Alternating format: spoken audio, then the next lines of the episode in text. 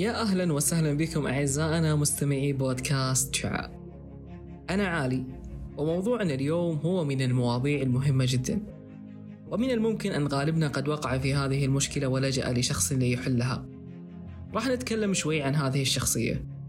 مهنة وموضوع اليوم من أرقى المهن على الإطلاق وهي من المهن التي تتطلب احترافية عالية ودراسة مكثفة.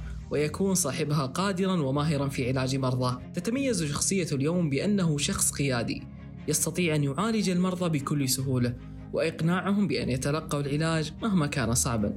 نعم ليس من السهل بأن تكون طبيب أسنان ناجح.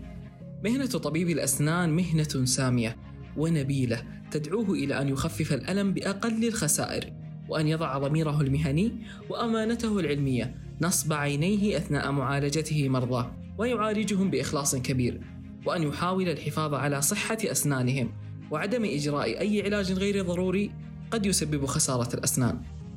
خلونا نتكلم بتفصيل شوي عن التخصص. ما هو طب الأسنان؟ هو فرع من فروع الطب يهتم بدراسة وتشخيص وعلاج أمراض الوجه والفكين والأسنان والأنسجة المحيطة لهم. عدد سنوات الدراسة سبع سنوات وفي جامعة الملك فيصل التخصص للطلاب فقط. السنة الأولى سنة تحضيري وقد سبق ونوهنا على الموضوع التحضيري في الحلقات السابقة. أما السنة الثانية فهي علوم طبية أساسية.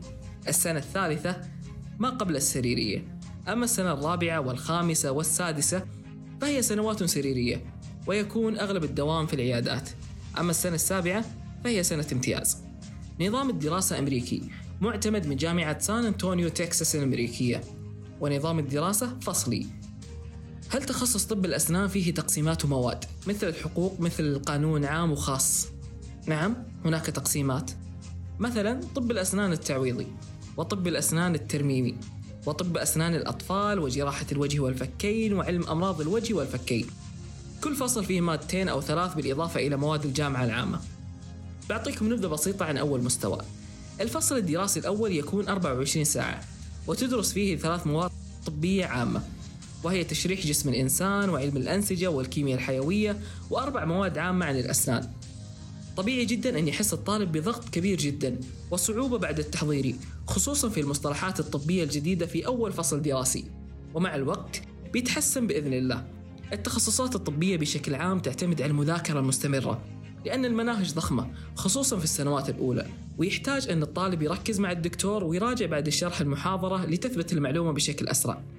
الفصل الدراسي الثاني تكون أغلب مواده عن الأسنان وفيه يدرس الطالب 26 ساعة. المعدل مهم جدا في أول سنة في التخصص فاحرص على رفعه قدر المستطاع. الوظائف بعد التخرج والانتهاء من سنة الامتياز.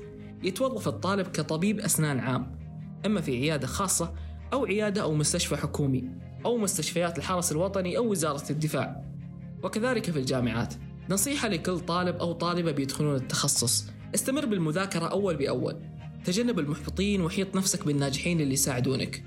المذاكرة الجماعية مفيدة جدا. القراءة المستمرة عن التخصص وسؤال المختصين. لا تستسلم أبدا وحاول أن تتذكر دائما بأنه لا يوجد شيء مستحيل وأن كل الصعوبات ممكن تتفوق عليها بإذن الله. وكذلك لا تتوقع أنك بتكون الأفضل دائما واستمتع بحياتك ووقتك بالكلية. بعد التخرج تكون سنة الامتياز وفيها يتدرب الطلاب بالمستشفى على المرضى. طبعا سألنا أخونا سعود القحطاني عن سبب اختياري لهذا التخصص وكانت إجابته جميلة جدا. قال السبب هو إعجابي بطبيب أسناني وكيف كان أسلوبه ومعاملته للمرضى وكيف يعيد ثقة المرضى لأنفسهم ويحسن مظهرهم الخارجي بعد العلاج. تخصص الأسنان تخصص ممتع جدا ويبدأ التعامل مع المرضى فيه وعلاجهم من السنة الرابعة بعكس التخصصات الصحية الأخرى واللي يكون دخولهم العيادة في سنة الامتياز أو السنة السادسة فقط. بالنسبة لصعوبة التخصص التخصص صعب إلى حد ما ولكن إذا الطالب ذاكر بشكل مستمر واجتهد بالبداية كل الأمور تتيسر أمامه بإذن الله ويكون عنده كل شيء بسيط. التطبيق العملي في التخصص ممتع جدا ويبدأ من السنة الرابعة. يمكن للطالب أن يجري للمرضى لوحده حشوة أسنان وعلاجات اللثة وخلع الأسنان. التعامل والتواصل مع المرضى بشكل جيد يكسبك ثقة المريض ويحسن جودة الأداء بإذن الله. نظام القبول في جامعة الملك فيصل يكون التخصص مباشرة بما يعني أن الطالب إذا قبل في تخصص الأسنان لا يحتاج للمفاضلة بعد التحضيري لدخول التخصص فقط يلزمه أن يكون معدله فوق ثلاثة ونص من خمسة بالسنة التحضيرية ليدخل التخصص وهو بإذن الله سهل للطالب المجتهد. المهارات المهمة في بداية التخصص أولا إدارة الوقت والأولويات. ثانيا اللغة الإنجليزية. ثالثا الاطلاع على مصادر عديدة للمعلومات. هل كنت تعلم أن طب الأسنان قديما في السعودية؟ كان يمارسه الحلاقين أكثر من غيرهم؟ وأن أمراض الفم والأسنان قد تكون وراء إصابة الإنسان بأمراض خطيرة. ختاما التخصص جميل وممتع. أتمنى أكون ساعدتك باتخاذ القرار. كان معكم عالي. ألقاكم مجددا بتخصص آخر. وفي أمان الله.